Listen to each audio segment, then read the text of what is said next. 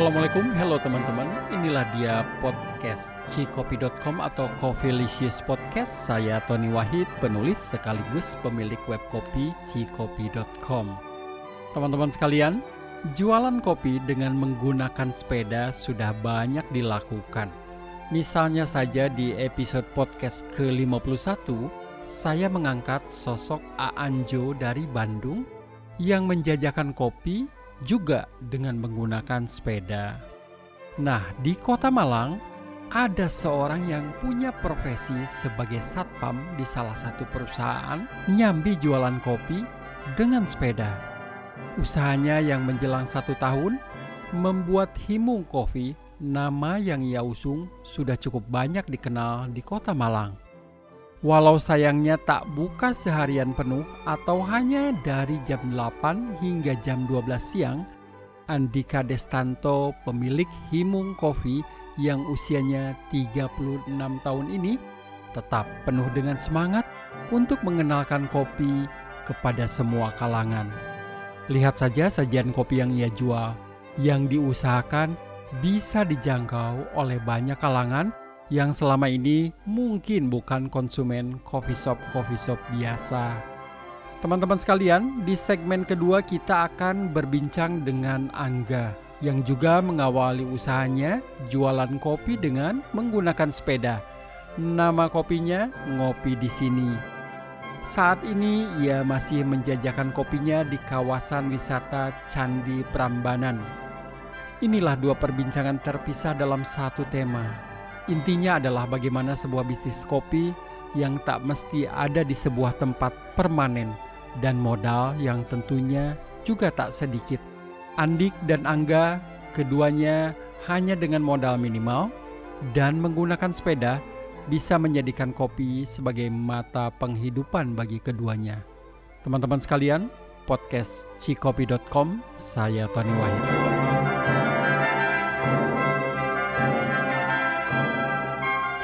Nama kopinya adalah Himung Kopi, Pak. Himung Kopi dan menggunakan sepeda di salah satu pusat jalan di Kota Malang. Iya, betul. Di Mergosono khususnya. Di Mergosono itu di pusat Malang ya? Iya, itu loh dekat apa namanya? Stasiun Kota Lama kalau bapaknya. Stasiun kereta api ya? Uh, uh, kan Kota Baru, Kota Lama. Tapi Malang iya. ya, ya sana sini ya balik lagi ke situ situ juga sih Dik. Pak saya kaget loh Pak. Aduh oh, Pak Tony. Kenapa kaget? Nggak nyangka aja oh, Pak Tony. Ya enggak Bisa lah. DM gitu kan. Habis bagus kan menjual kopi dengan sepeda keliling kota Malang. Keliling atau uh, biasanya menetap di satu lokasi saja nih Himung Kopi ini? Sementara ini menetap Pak. Menetap ya boleh diceritakan itu awal mulanya jualan pakai sepeda sementara teman-teman saya yang lain banyak membuka usaha di coffee shopnya di tempat-tempat yang lebih permanen. Kalau Andik ini menggunakan sepeda. Di iya, Bandung saya sudah wawancara dengan salah satu teman juga, Anjo, dia juga menggunakan sepeda sama Kemudian, jadi ini yang ketiga nih, teman saya yang menggunakan sepeda jualan kopi, khususnya di Kota Malang. Kota Malang. Nah hmm. itu ya, teman-teman yang dua itu sama di Malang atau? Oh bukan, yang satu di Kota ba eh, dua di Kota Bandung. Hmm. Ya, mereka menggunakan sepeda juga sama. Oh, gitu. Ya, saya mau cerita boleh pak ya? Boleh dong. Ini, pak. Monggo, monggo, monggo, monggo. Mulai awal pak ya dari pribadi saya. Kan saya sebetulnya kan bukan pencinta kopi ya pak. Bukan pengopi itu loh pak. Iya nggak minum kopi kan. Mm -hmm. nah, kebetulan saya kan uh, apa namanya karyawan salah satu perusahaan rokok di Malang itu kan. Sampai sekarang masih jadi karyawan? Ya masih. Masih pak. Khususnya Nam satpam pak. Bagian satpam. Bagian satpam. Jadi Andika ini adalah satpam? Ya betul pak. Monggo dilanjut. Ya satpam gitu kan. Kan teman-teman satpam biasa kan pak kalau masuk malam atau siang kan buat kopi gitu kan. Tapi kan kopinya mm -hmm. kopi gunting itu pak ah kopi gunting. Ya kopi gunting ada salah satu temen itu buat kopi sama ngobrol-ngobrol. Dia bilang aslinya itu buat kopi gak seperti ini. Itu kan pak ya? Saya Mhm. langsung nyeletuk tuh gimana? Aslinya itu ada rasio ada suhu ada apa namanya timbangan gitu pak ya. Ada green size wah saya nggak ngerti kan apa mbak ya?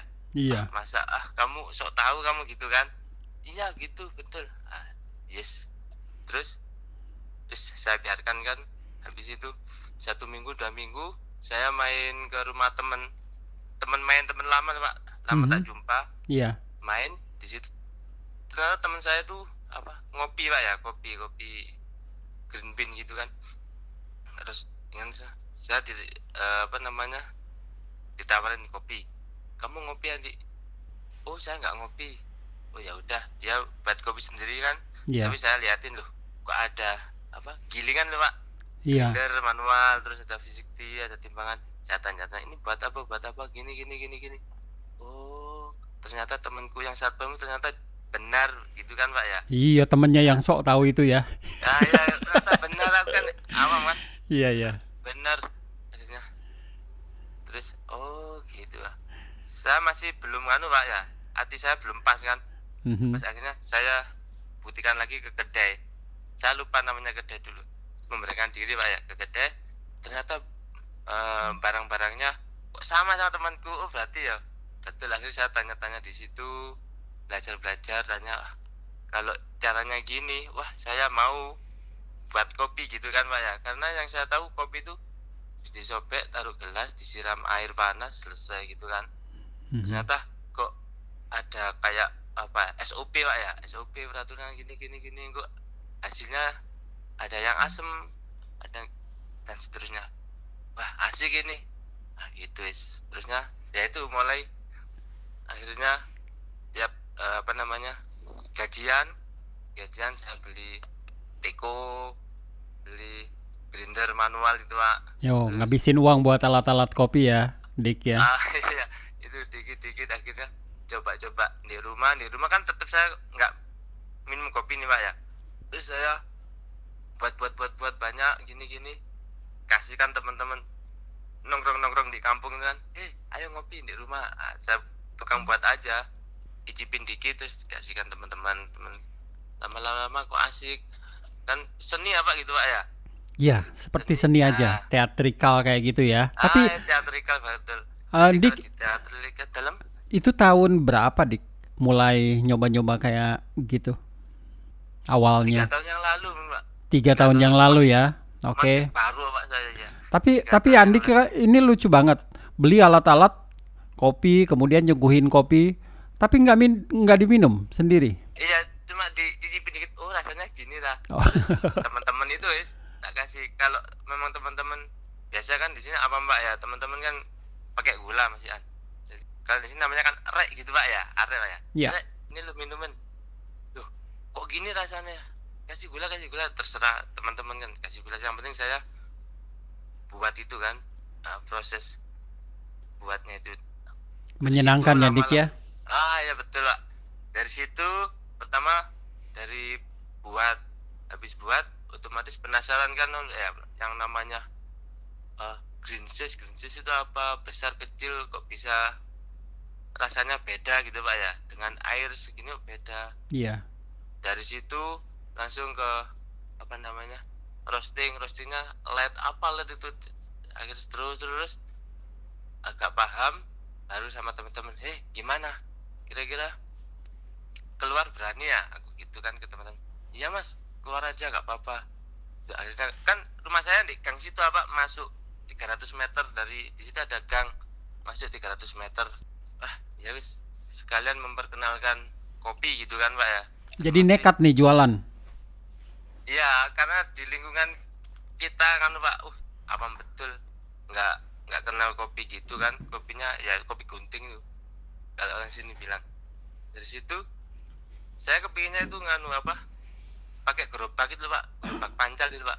Oh iya, pakai gerobak ya yang biasa. Ah, gerobak pancal itu loh. Iya. Nah, itu kan bisa numaten Pak ya, bisa kayak tukang bakso itu Pak. Ya bisa ke mana-mana ya. nanti ke sana ke sana ke sana ke sana gitu bayangan saya gitu terus saya total total uh, kok mahal gitu kan pak ya aduh kok mahal Modalnya belum ada waktu itu ya, Dik? ah iya betul betul kok mahal kan saya diam ah. nah kebetulan di rumah kan saya suka bersepeda pak ya di rumah ada sepeda federal touring kan saya lihat-lihat oh, ah sepeda ini bisa ini itu kan saya Hmm. bisa buat anu yang penting saya apa membuat tempat itu loh pak apa kompornya itu pak Iya. ah kompor sama eh, teko masuk ah, bisa ya kalau untuk barnya untuk bar display ya gampang itu. Itu dari situ saya coba browsing browsing terus di IG IG lihat kopi sepeda kopi sepeda. Ada itu loh mana? Klaten dulu pak aku namanya. Di Klaten Ngopi ya. di sini. Ya di Klaten. Di Prambanan pak ngopi di sini. Ya itu pakai sepeda pak. Pakai sepeda pakai juga. sepeda. Mm-mm. tapi sekarang pakai motor udah pakai motor.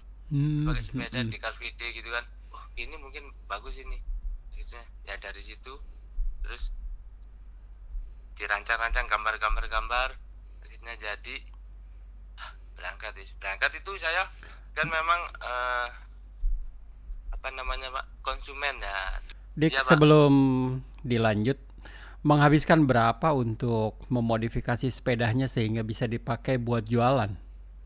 kalau sepedanya itu kan sudah Sudah ada ya? Ya touring kan eh, depan belakangnya ada pannernya gitu kan pak ya Iya.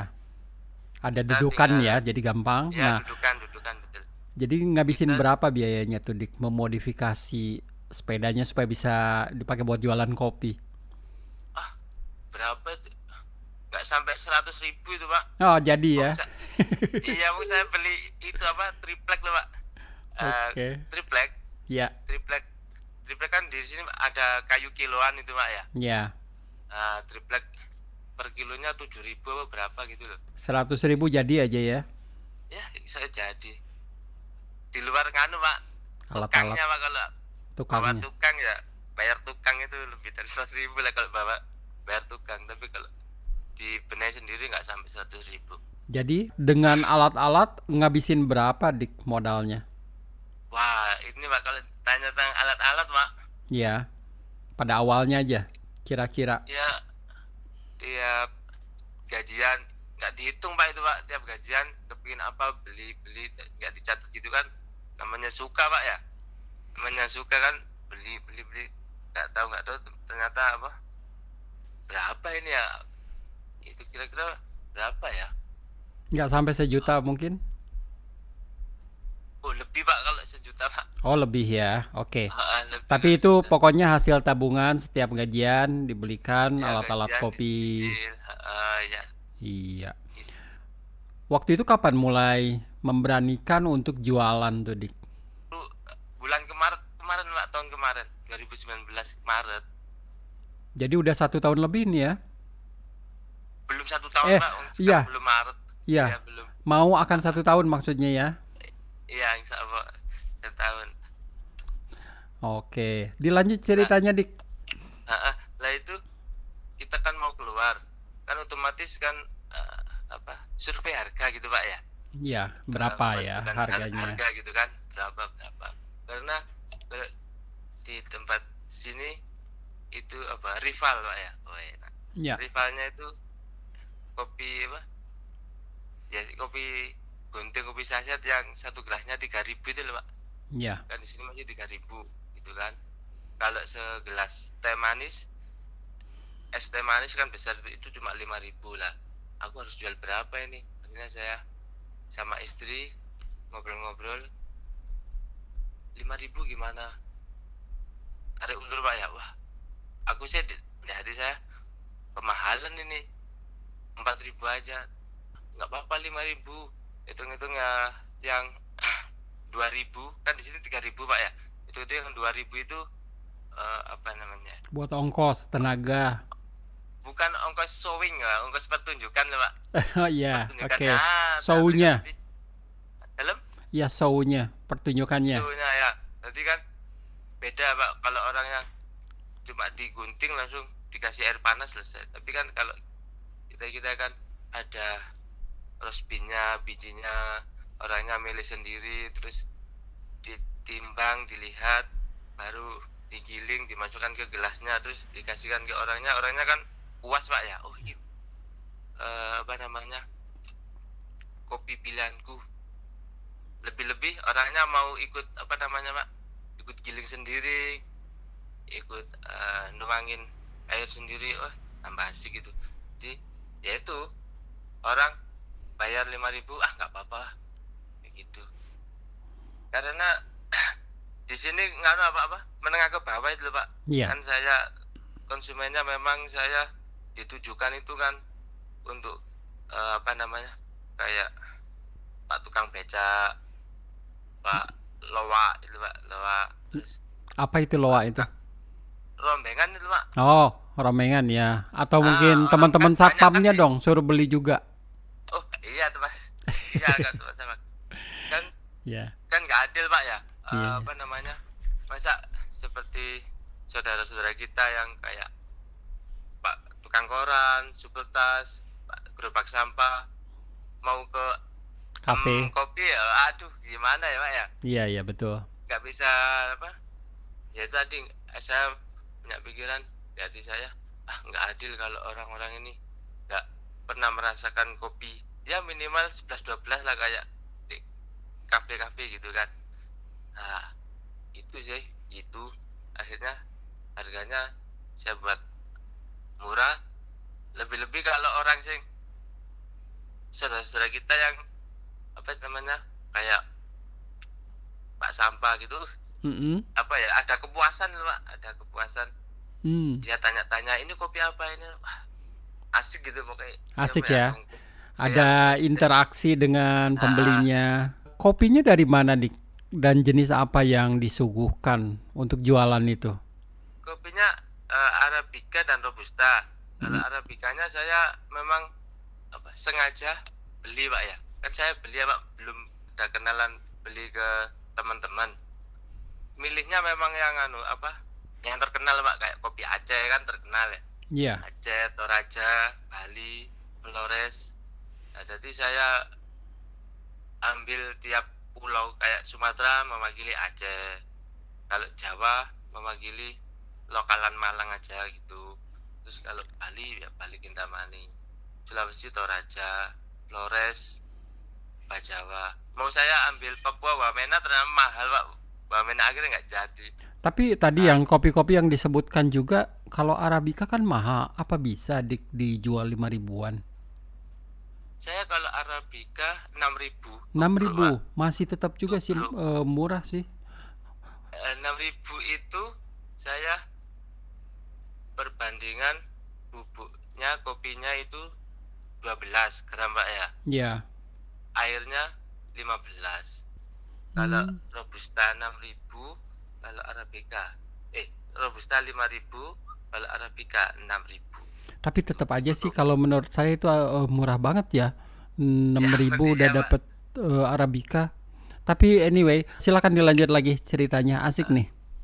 Iya, ya minimal saya di benak saya minimal orang-orang bisa merasakan oh ini arabica itu, oh gini arabica itu. Beda ya sama yang biasa kopi-kopi biasa.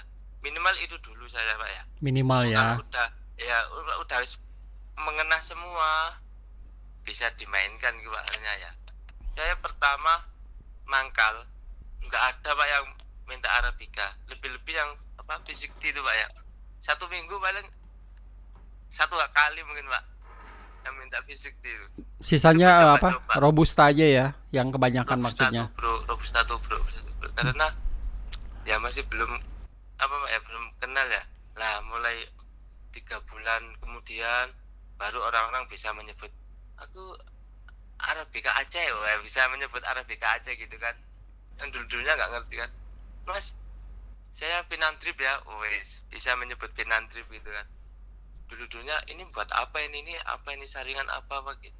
Sekarang udah saling interaksi akhirnya oh Pinan Trip pak. Hanya kan saya dulunya Pinan Trip itu kopinya dari Vietnam itu pak. Bukan bukan kopinya tapi alat seduhnya ini penemunya di Vietnam gitu kan namanya namanya Pinan Trip. Terus ada icon itu siapa pak? Yang aduh lupa saya. Yang Sianida itu loh pak. Yang Sianida itu loh pak. Jessica pak ya? Oh ya Jessica. ah saya bilang ini kopi Jessica itu loh kopi yang ada cyanidanya ya seperti ini. Oh iya iya iya. Apa mereka nggak takut di ka- disebutkan Jessica? oh, enggak. Di berita-berita itu kan ada es kopi Vietnam drip gitu pak ya? Iya. ya ini Vietnam drip ini ya ini yang buat kan Jessica oh ya hanya pengetahuan aja gitu Cek, Mhm. mudeng pak ya Mudeng ya. mudah iya iya mudah dicerna Dik, eh, itu teman-teman yang tiga bulan itu biasanya kan mereka pesennya robusta. Apakah yang nyobain arabica itu adalah mereka juga yang dulunya meminum kopi robusta atau berbeda lagi nih? iya yang apa namanya robusta. Oh yang gitu, dulunya minum robusta. Mulai kan coba ya. Kita kita ngobrol. Kalau robusta ini asem gitu kan. Masuk kopi kok asem? Kopi kan pahit gitu kan. Terus kopi kan ada dua robusta sama arabica terus kita ya interaksi pak. Menyebutkan ketinggiannya berapa terus jenis-jenis kopi gitu. ya wes nyoba sih gitu kan awalnya kan gitu kan ya nyoba coba ini anak Aceh Ah, gini ya gini tapi ya sampai sekarang masih tetap pakai gula pak Mas Yan Ya nggak apa-apa, kalau bebas, makan gula pak ya bebas pak ya bebas, bebas. Mereka yang minum bukan kita. iya betul Selama mereka masih bisa menikmati, kita nggak bisa sih menghakimi. Ah, ah. iya ngejudge Iya. gitu ya Iya nggak boleh, biarin aja. Ya, Iya. nah, Lagian apa hak kita menghakimi cara orang meminum kopi ya, Dik? ah, ah, yang beda menikmatinya pak ya Menarik sekali ya ceritanya. Nah, pada awalnya kalau saya boleh kembali sebagai seorang satpam, kemudian sebelum jualan nih ya beli-beli alat kopi, itu istrinya nggak protes, Dik? ya pertamanya protes pak kan gini ya eh kamu satu bulan Ngapain? beli itu udah berapa gitu pak ya? Iya. biasa pak gitu yang harganya 300 Mahalnya. bilang ini cuma 100 gitu awak ya kayak gitu. Enggak sera- itu berapaan 100 oh iya Aduh. ya wis. kalau aku bilang 300 350 wah. Habis ya. perang Brontoyudo. Brontoyudo Eh, akhirnya lama-lama akhirnya lama-lama istri kan juga secara tidak langsung ikut pak ya. Iya. berkecimpung kan. Aku ajak nama ke kedai. Ya sambil ngana pak ya Pak. ini lo kopi ini lo gini gini oh ternyata ya mahal mahal loh. Lah wis gitu. Baru Hmm. membuka pak. Oh iya jadi ternyata kamu kemarin beli yang ini harganya segini ya. Iya. Terus, kalau udah dibeli ya percuma masih marah pak ya Iya betul. Itu taktik laki-laki ya, Dik ya. lagi-lagi ya Iya beli dulu minta maaf belakangan. betul oh, sama ternyata Pak. Sama lah laki-laki beli mainannya.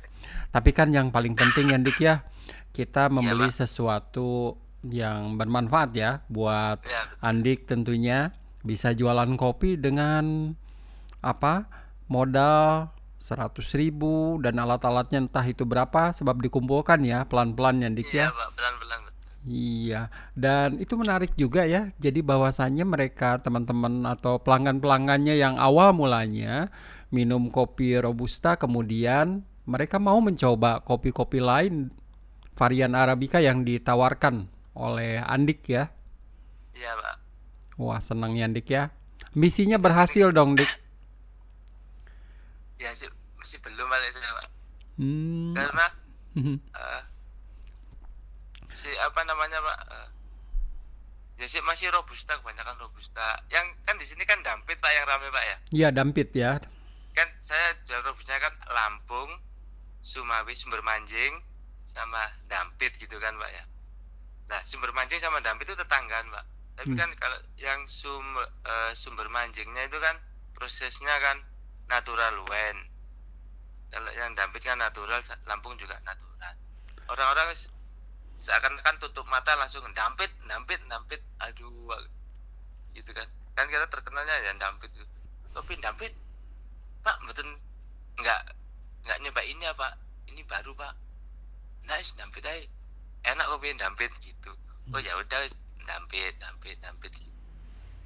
Andik kalau saya dengarkan mungkin teman-teman banyak yang nggak percaya bahwasanya Andik bisa ngomong seperti ini Andik Destanto adalah seorang satpam yang bisa dengan fasih mengemukakan tentang bagaimana kopi diproses, asalnya dari mana. Hebat Andika.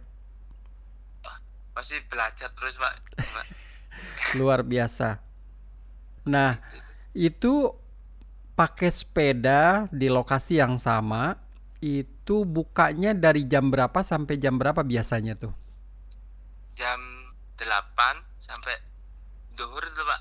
Sampai siang. Ada, ada duhur itu saya udah berkemas-kemas karena kan kalau saya masuk malam gitu kan pak ya iya masuk malam kan jam setengah sebelas pulang setengah tujuh pagi pulang ke rumah ganti-ganti ganti persiapan terus sepedanya dikayu ke depan gang. Di apa namanya dipersiapkan di display. Jam 8 ready udah. Udah siap ya sampai nanti jam 12-an siang ya. Kalau ya, tugas 12. malam shift malam ya. Malam ya terus jam 12 siang kan pulang pak ya? Iya. Pulang di rumah istirahat santai. Nanti saya jam 2 kalau pas operasi itu pak habis masuk malam ke masuk siang ya kerja pak. Berangkat lagi kerja pak gitu pak. Berangkat kerja lagi. Jadi Andik ini dua pekerjaan. Satu menjadi satpam satu lagi jualan kopi. Jualan kopi. Luar biasa. Dan sudah dijalani hampir satu tahun ke belakang ini ya. Dik ya. Nah bagaimana Dik selama 9 bulan lebih ini menjadi seorang penjual kopi kesan-kesan apa yang didapat? Pengalaman-pengalaman yang lucu-lucu mungkin? Monggo ceritain uh, kan kita jualannya kan di jalan pak ya? Iya. Namanya jalan kan orang banyak orang yang lalu lalang gitu kan. Jadi macam-macam ada pengalaman itu mentang-mentang kita pakai sepeda di pinggir jalan pak ya trotoar. Ada salah satu ya punya kedai lah punya kedai ternama lah pak ya. Kita nggak tahu kan ya kita saya orang awam nggak tahu uh, orang perkopian gitu kan ya. Iya tahu gitu dia datang. Ya, langsung di depan set.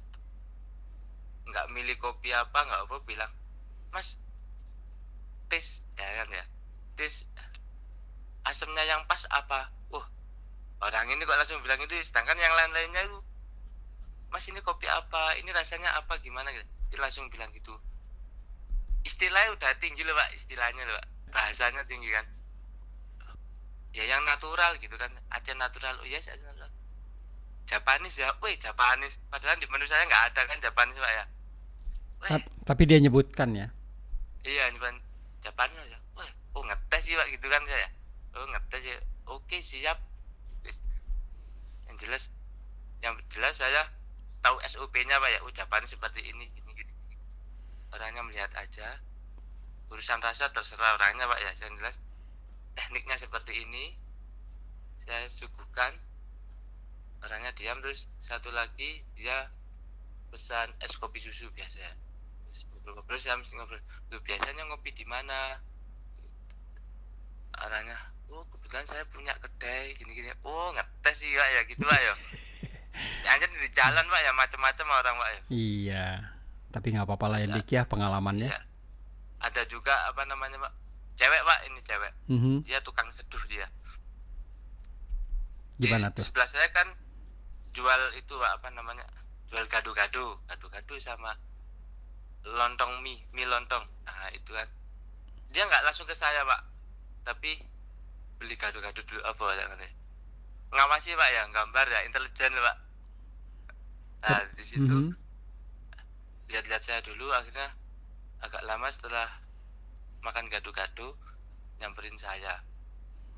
Mas uh, Arabica langsung Arabica apa ke mana? Bajawa Bajawa Aeropress pak ya? Bukan nggak punya alat Aeropress pak ya saya ya? Di situ nggak ada. Uh bahasa Aeropress juga saya akhirnya ya iya maaf mbak di sini nggak ada menu aeropress yang ada. Quick drip sama V60 gitu. Oh ya udah kalau gitu V60 aja gitu kan? Iya. oke kita main V60 gitu pak ya fisik di fisik di oke. Tapi saya nggak pakai skala kan nggak pakai timbangan. Memang sengaja gue pak nggak pakai timbangan ya pak. Ya udah hafal juga mungkin ya, Dik. waktu nyeduh ha, waktu nyeduh nggak pakai pas puring nggak pakai timbangan. Dia bertanya loh nggak pakai timbangan ah? Oh enggak mbak ini air saya jatuhkan turun melalui apa namanya mbak meja terus ke ban ke tanah ke kakiku ke otakku aku sudah ngerti ini berapa gitu kan orang yang tertawa akhirnya dari situ paling akrab gitu pak ya kan ya, interaksi Jadi dapat ilmu lagi ya. dapat ilmu lagi ya. Iya. yang awalnya ngetes ngetes saya balik lagi curi ilmu nih Pak, ya Iya. Eh, Tapi banyak nggak itu yang teman-teman yang punya kedai atau yang kerja di coffee shop eh, apa datang ke tempatnya Andik ini untuk menikmati Iya. kopi? Selain Iya, mereka Pak. itu. Banyak ya? Banyak banyak. Eh, dia ya kan di kedai kan memang anu pak ya apa ya bosen pak. Aku tanya teman-teman lu kok ke sini? Di kedai lah enak ah, nyaman gini. Ah bosen cari yang lain gitu pak. Cari suasana lainnya Dik ya. Suasana lain yang benar-benar pure jalanan loh kasarnya memang ini saya pure jalanan apa sebelah sebelah kanan kiri yes. apa natural lah kasarnya pak ya. Iya. Saya nggak gitu jadi nggak dibuat-buat ada hiasan ini hiasan ini ornamen ini. Enggak yes. Pure. Kalau mereka menikmati kopi eh, tempat duduknya gimana Dik? Ya kebetulan di belakang saya kan ada kayak rumah pak ya? Oh jadi Rumah, ada tapi ya? rumahnya udah tutupan. Nah tutupan di situ ada tempat apa ya? Nongkrong lah ya? Ah, tempat kayak trap-trap gitu loh pak. Iya oke Memang jadi di ada ya memang- tempat duduk. Ah, kemudian kalau sam- malam sorry Dik kalau malam eh, buka juga nggak? Kalau enggak mu- pak kalau ma- Oh, cuman siang aja yang tadi disebutkan iya. ya. kalau malam kan saya berpikir gini seandainya saya ini gerobak pancal pak ya. Kan tinggal mancal aja pak ya kayak bakso tinggal dorong. Nggak nggak harus beres-beres display gini kan. Yang lama kan displaynya. Dulu saya pikiran gitu oh, habis ini pindah ke sini pindah ke sini. Ternyata pada waktu yang saya tempati di situ tak display barang. Set- setelah itu ya udah mau beres-beres lagi anu apa aras-arasan pak ya karena nanti pindah sana display lagi rugi waktunya kebuang sama itunya. Displaynya tuh loh pak. Kalau Iya. untuk pindah-pindah eh, Mungkin nanti di ke depannya Dik ya, kalau udah pakai gerobak mungkin bisa lah ke sana sini ya Dik. siap. Tapi itu tetap pak nanti kalau pakai gerobak rencana saya sih pak ya. Ya, yang dituju itu nganu pak eh, menengah ke bawah menengah ke bawah memang enggak banyak pak teman-teman yang kok di sini di sini apa namanya ya lahan kering pak ya? Kok enggak di daerah Soekarno Hatta di situ daerah stasiun Kota Baru daerah kampus-kampus pak kan banyak ya? Kampus daerah alun-alun daerah Jalan Ijen museum. Ah kalau di situ orang yang beli sudah tahu kan? Jadi Jadi, tetap ya nggak di sini. pak Nggak- iya nggak ada kesan. Tadi orang kalau udah tahu pak ya mas Arabica Aceh Fisikti orangnya langsung duduk. Saya membuatkan ini mas. Ya yes, gitu aja Mek. ah, ah gak seru kan? Tapi kalau yang di pinggir-pinggiran sini kan memang orangnya awam jadi banyak percakapan-percakapan. Seru apa, ya, seduluran gitu. Ya iya pak seduluran beda jadi. pak memang pak. Iya, Nah, betul-betul sebuah kisah perjalanan seorang satpam menjadi penjajah kopi, penjual kopi. Dan sengaja menjual dengan harga yang bisa terjangkau oleh mereka, tukang sampah, tukang loak, teman-teman satpamnya juga mungkin atau Iya, Pak. siapa pun ya yang bisa membeli Iya. kopi dengan harga di bawah 10.000 ya Dik ya. ya memang sengaja kan saya fisik T itu 8000 itu pak fisik T 8000 kalau pakai es ya Japanese lah pak ya. Itu sembilan ribu. Berarti Oh. nggak sampai sepuluh ribu. Nggak sampai 10.000 ya dik ya? Mhm. iya jadi nanti ke depan masih tetap akan di sini dengan menggunakan sepeda dan melayani teman-teman yang tadi udah saya sebutkan ya dik. Iya pak iya itu. Gimana? Ada kebanggaan tuh pak makanya tuh. Les kepuasan kan beda pak ya kayak itu apa namanya kayak orang eh, seniman. Seniman eh, apa namanya dia biarpun nggak dibayar atau dibayar sama nasi bungkus kasarnya ya, kalau penontonnya puas ikut puas gitu kan. Jadi nggak apa ya apa pamrih gitu pak ya. Betul. Harus. Andik ini usianya berapa? Mohon maaf Desember kemarin pak. Itu 36 36 tahun ya. Oke. Kata- dan istrinya suka ngebantuin nggak pada saat Andik jualan kopi ini? Dan itu nama Himung itu dari mana tuh awalnya? Nah ini seru gitu pak. Gimana? Istri saya kan orang Kalimantan pak ya. Kalimantan mana tuh? Kalimantan Timur yang Samarinda ya. Pasir. Kabupaten Pasir. Kabupaten Pasir. Yang Ya. sekarang mau buat ibu kota katanya pak ya? Ibu kota ya. Nah, Kabupaten Pasir. Kan ketemunya di gunung sama-sama anak gunung apa anak pramuka dulu kan waktu sekolah. Saya mewakili sekolah saya Malang dia mewakili sekolah di Mojokerto waktu dulu sekolahnya. Ketemulah ya. Ah ketemu. Tapi apa namanya hanya teman dulu kan kan apa apa namanya sahabat pena Pak. sahabat pena eh, akhirnya udah umur baru eh kamu udah nikah belum? Wah gue sama. Iya saya Rafi Rafi selesai gitu kan. Itu Kalimantan sana pulang ke Malang.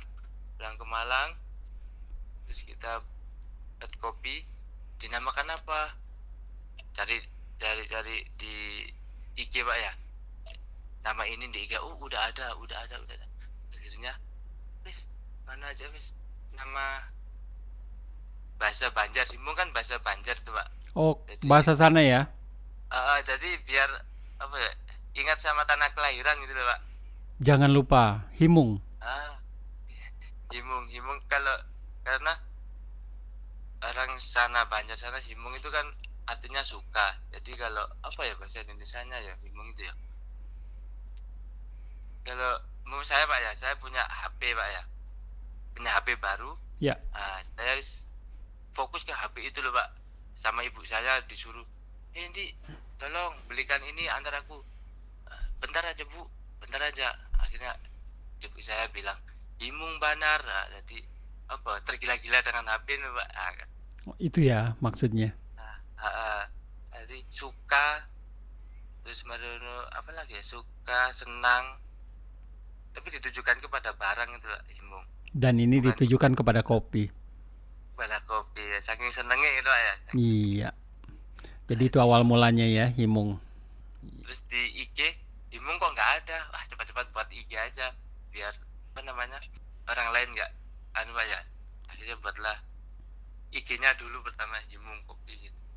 setelah itu berjalan kopinya.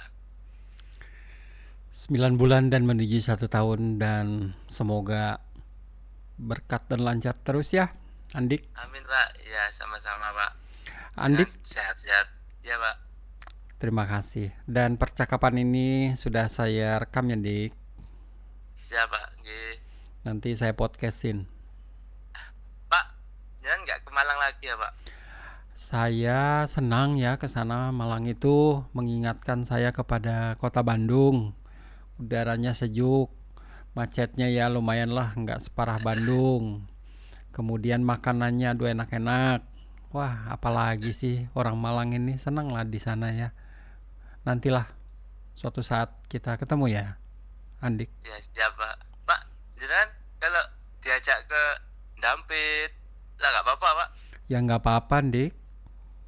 Ajak ke Dampit, ke Iya. lihat kebun-kebun kopi. Senang saya kan Eh, suka. Refreshing, refreshing. Senang, senang saya suka. Asal jangan nanjak-nanjak tinggi-tinggi aja udah nggak kuat ya, Dik, pakai motor.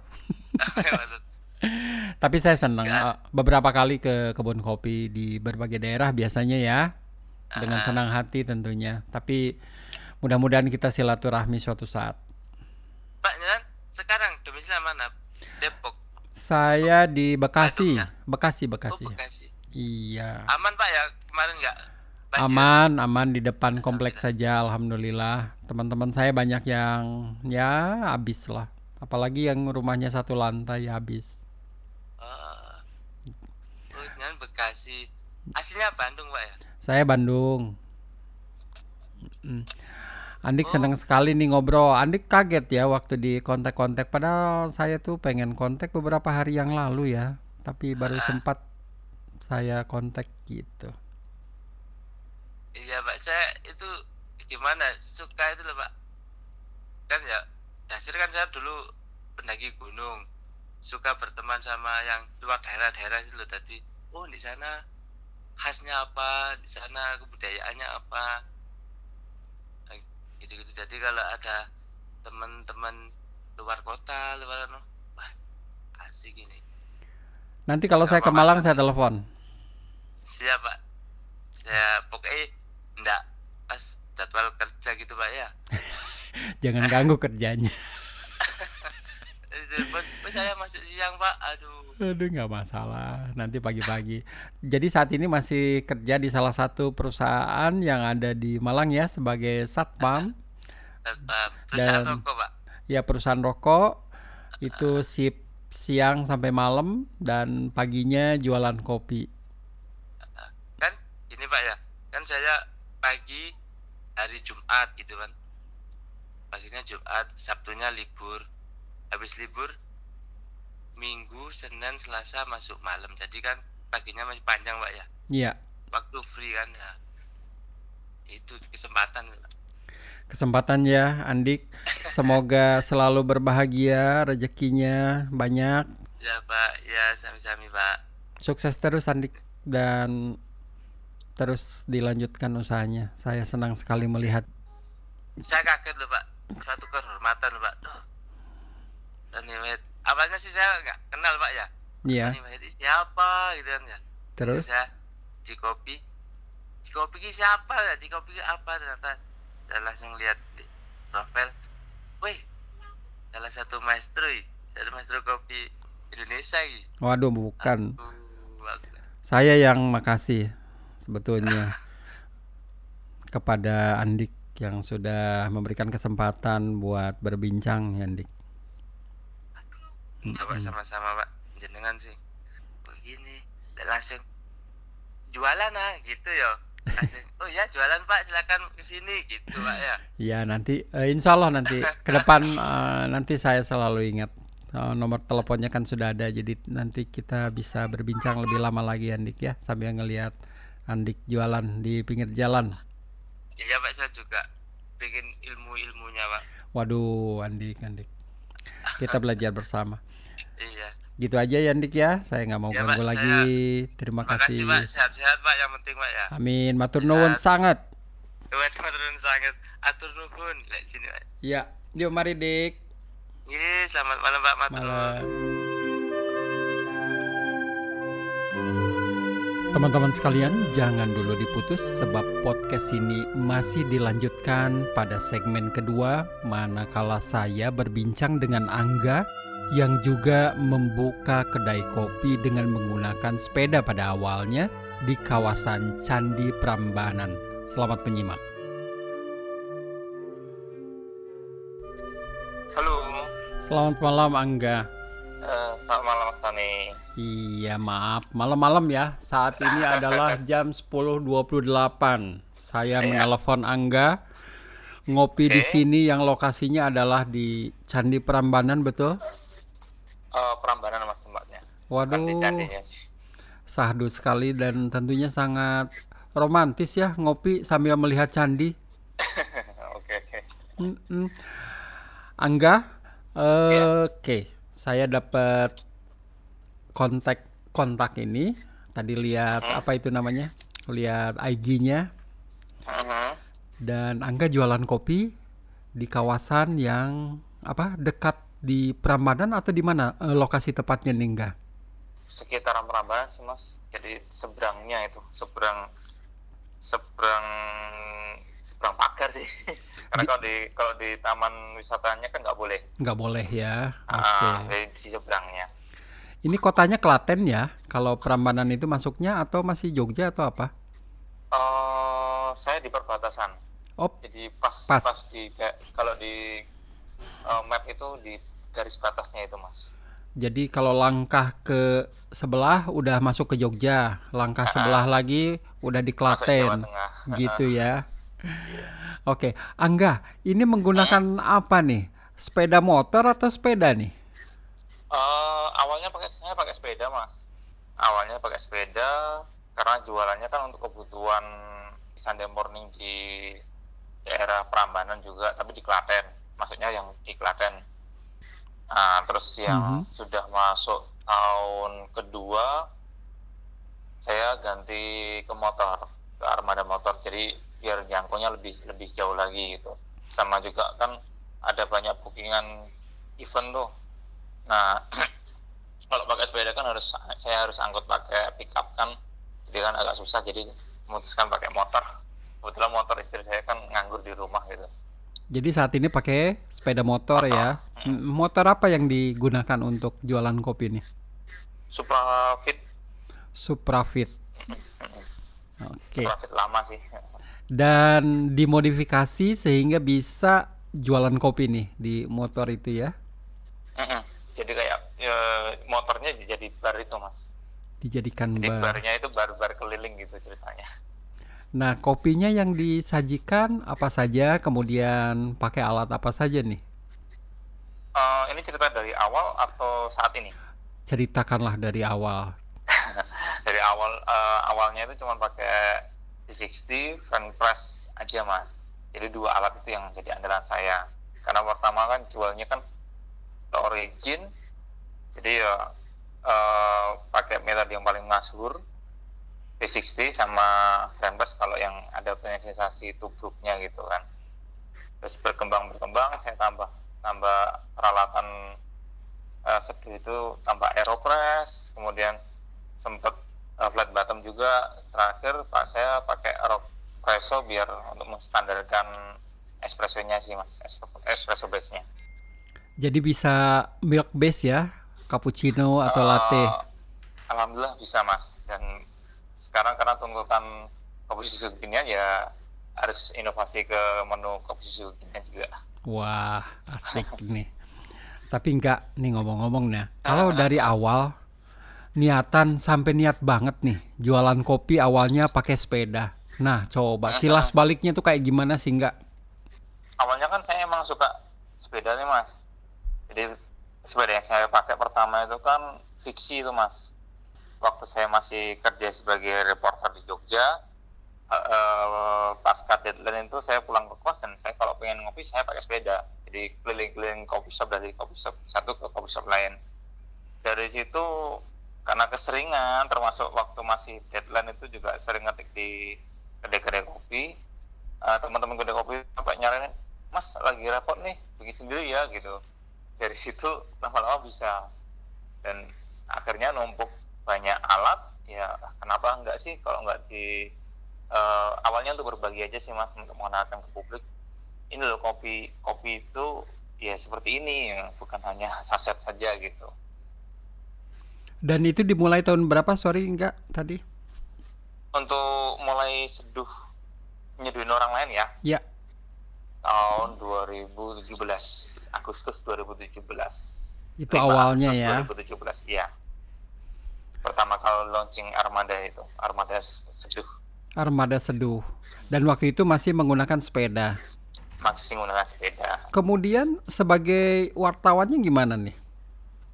Sekarang udah udah resign sih mas fokus ke bisnis kopi. Nggak nyesel. Eh, nggak nyesel. Kebetulan saya juga udah buka kedai di kota Klaten juga sih mas.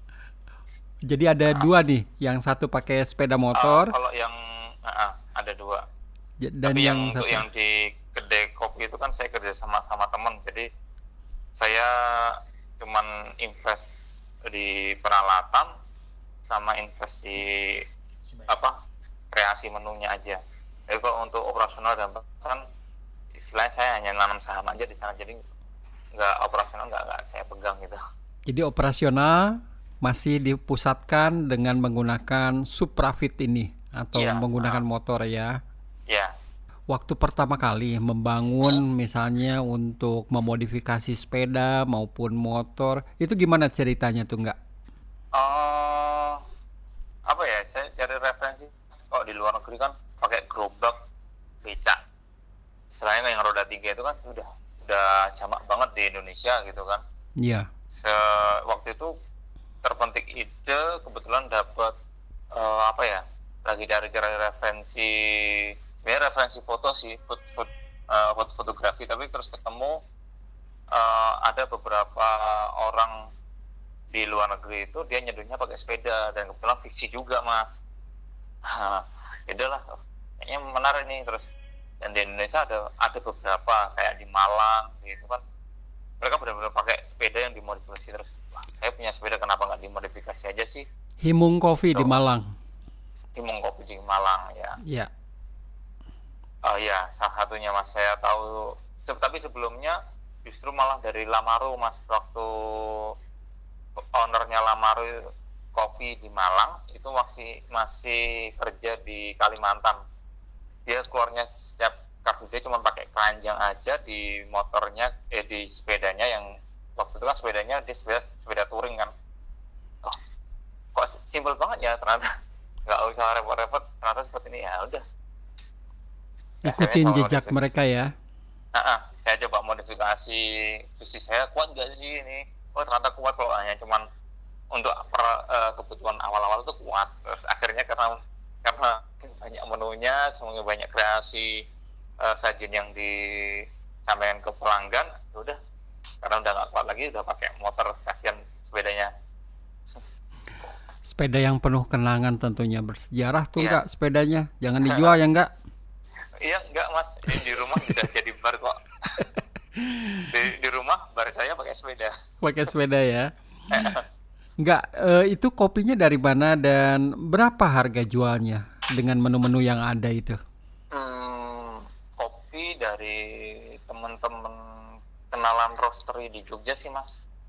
Ah, ada awalnya sih saya saya supply kopinya dari PR Coffee karena karena tahun 2017 kan masih belum jamak roastery di Jogja tuh masih yang kapasitasnya cukup besar kan di PR jadi awalnya ambil di PR aja. Terus sekarang udah mulai banyak relasi ya. Ganti-ganti. Kemudian untuk harga mulai rank 8.000 sampai 18.000 Sampai yang paling mahal 18.000. Itu untuk menu apa yang paling mahal itu?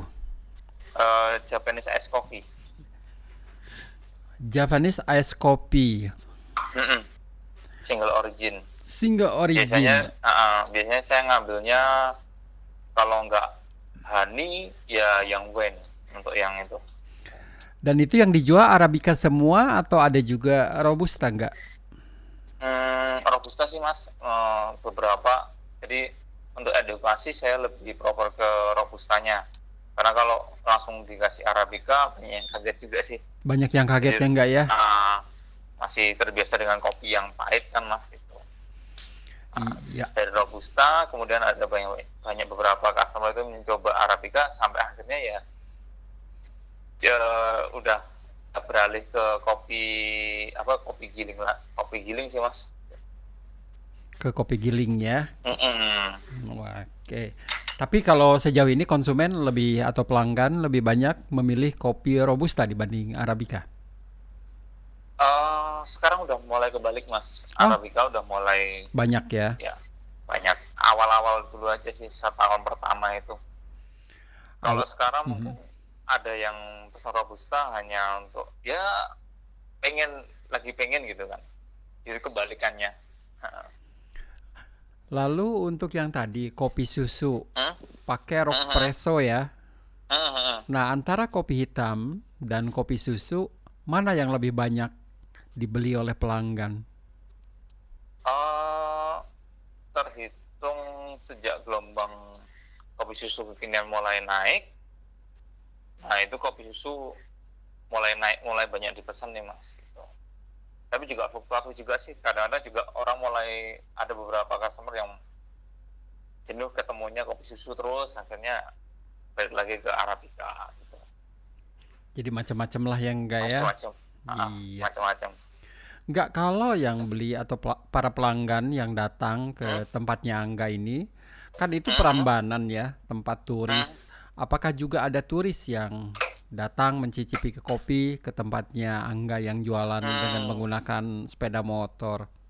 saat summer ada sih mas beberapa kali beberapa kali saya ketemu dengan turis dari Belanda dari Italia terus yang terakhir itu Brazil Nah, gimana tuh pendapat mereka atau feedback yang didapatkan dari mereka, para mer- Mm-mm. mereka mereka bingung kan karena karena kan eh, untuk terutama yang di kawasan Eropa kan mereka terbiasa dengan eh, black coffee or coffee with milk ya kan jadi mereka ya ketika datang sama gate-nya ujungnya paling cappuccino kalau nggak black coffee ya Saya paling menawarkan arabica lebih dahulu mereka kaget sih kok kopi kok bisa se rasanya seunik ini gitu kan. Terus ditambah lagi kan oh ternyata di Indonesia banyak loh eh, kopi eh, penjual kopi itu bukan hanya di kedai ko- apa di coffee shop yang semacam eh, apa yang punya gerai banyak seperti Starbucks dan sebagainya ternyata di pinggir jalan juga bisa gitu. Kagetnya mereka ya Gaya? Kagetnya itu. Dan mereka cocok tuh. Kebetulan untuk yang Arabica mereka cocok. Mereka nggak Wow. menyangka bahwa kopi hitam itu nggak melulu soal pahit gitu. Karena mereka terbiasa dengan kopi yang diseduh dengan mesin ya propernya kan ke pahit tuh mas itu untuk rasanya.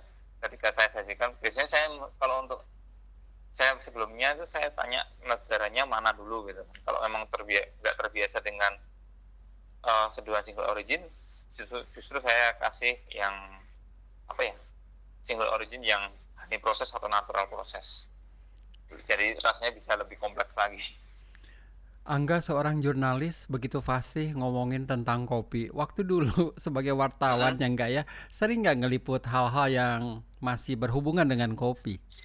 Nah, itu awalnya suka kopi ya karena liputan di kebun kopi, Mas. Kita, ah, saya kebetulan waktu itu ada project untuk liputan khusus temanya mengangkat kopi lokal Jogja kan, gitu kan. Waktu 2015 itu kan gerai kopi di Jogja kan udah mulai banyak tuh, terutama waktu masih gelombang single origin bener-bener lagi booming di Jogja, semua nyediain single origin. Tapi waktu saya liburan nggak liburan juga sih mas. Waktu pergi ke Malang itu ternyata di sana semua gerai semua kedai kopi memang menyajikan single origin se Nusantara tapi ada satu kopi yang khas Malang itu harus ada di di masing-masing kedai kopi di Malang. Nah, di Jogja belum pernah nemuin yang namanya eh, kedai kopi yang banyak kedai kopi yang menjual Merapi ataupun eh, apa yang dari Kulon Progo itu mas. Kopi dari kan Jogja ada- ya. Ah, ah, khas dari Jogja. Ternyata nggak ada lah. Dari situ wah ternyata kok nggak diminati nih. Nah saya berusaha nge-push untuk pemberitaan itu biar publik Jogja juga ngeh oh ternyata kopi di Jogja itu punya kopi loh gitu kan. Ya dari situ sering main ke kebun sering main ke prosesor. Eh keterusan mas. Sampai sekarang ini ya enggak ya? Ah, sampai penasaran gitu kan. Iya, sampai melakukan bisnis sendiri. Enggak nyesel enggak? Hmm, enggak sih mas, kebetulan kan saya keputusan ini saya ambil setelah saya dapat sertifikasi barista dari LSP Parsi dari Kementerian Pariwisata sama LSP Kopi Indonesia baru Oktober kemarin sih mas dapat itu Dapat itu ya Jadi, sertifikasinya. ah, semakin mengukuhkan aja gitu kan Sebelumnya di media apa namanya enggak kalau boleh tahu? Eh, Tribun Jogja mas Tribun Jogja, sa- salah satu media yang cukup menonjol di Indonesia tentunya ya. Angga usianya berapa sekarang? sekarang 31 mas Ti- 31 tahun. 31 Maret besok Sudah keluarga tentunya. sudah Dan istrinya mendukung nggak sejauh ini bagaimana? Alhamdulillah mendukung. Alhamdulillah mendukung dan istri saya kebetulan juga suka kopi sih. Pas ya. Pas. Iya. Enggak, senang sekali saya. Mohon maaf sekali Hmm. lagi berbincang tengah malam Oke, yang Mas. ini. Eh, Oh, saya ini- juga ka- yang kaget pasti hubungin. Kok tiba-tiba. kaget? saya saya juga eh, sering nyimak di apa sering nyimak podcastnya Cikopi sama web apa sering baca di website oh iya eh, awalnya bisnis itu kan saya cari referensinya di Cikopi loh mas Iya. Makasih apresiasinya. Tapi gara-gara baca sering baca iya beneran mas jadi sebelum Iya. mengukuhkan untuk bisnis saya baca tahun 2000 eh, ya 17 pertengahan itu saya baca dari awal sampai akhir postingan terbaru itu baru saya mau oh iya dah kopi deh gitu yakin ya, mudah-mudahan tidak salah jalan dan selalu berbahagia atas pilihan ini. amin amin mas ya, ya. oke oke terima kasih mas Sukses dan berkat selalu usaha kopinya. Terima kasih mas Tony Yuk mari. ya Teman-teman sekalian, demikian tadi podcast kali ini dan jangan lupa untuk selalu menantikan episode-episode lainnya baik di Spotify maupun iTunes. Tony Wahid pamit dan salam.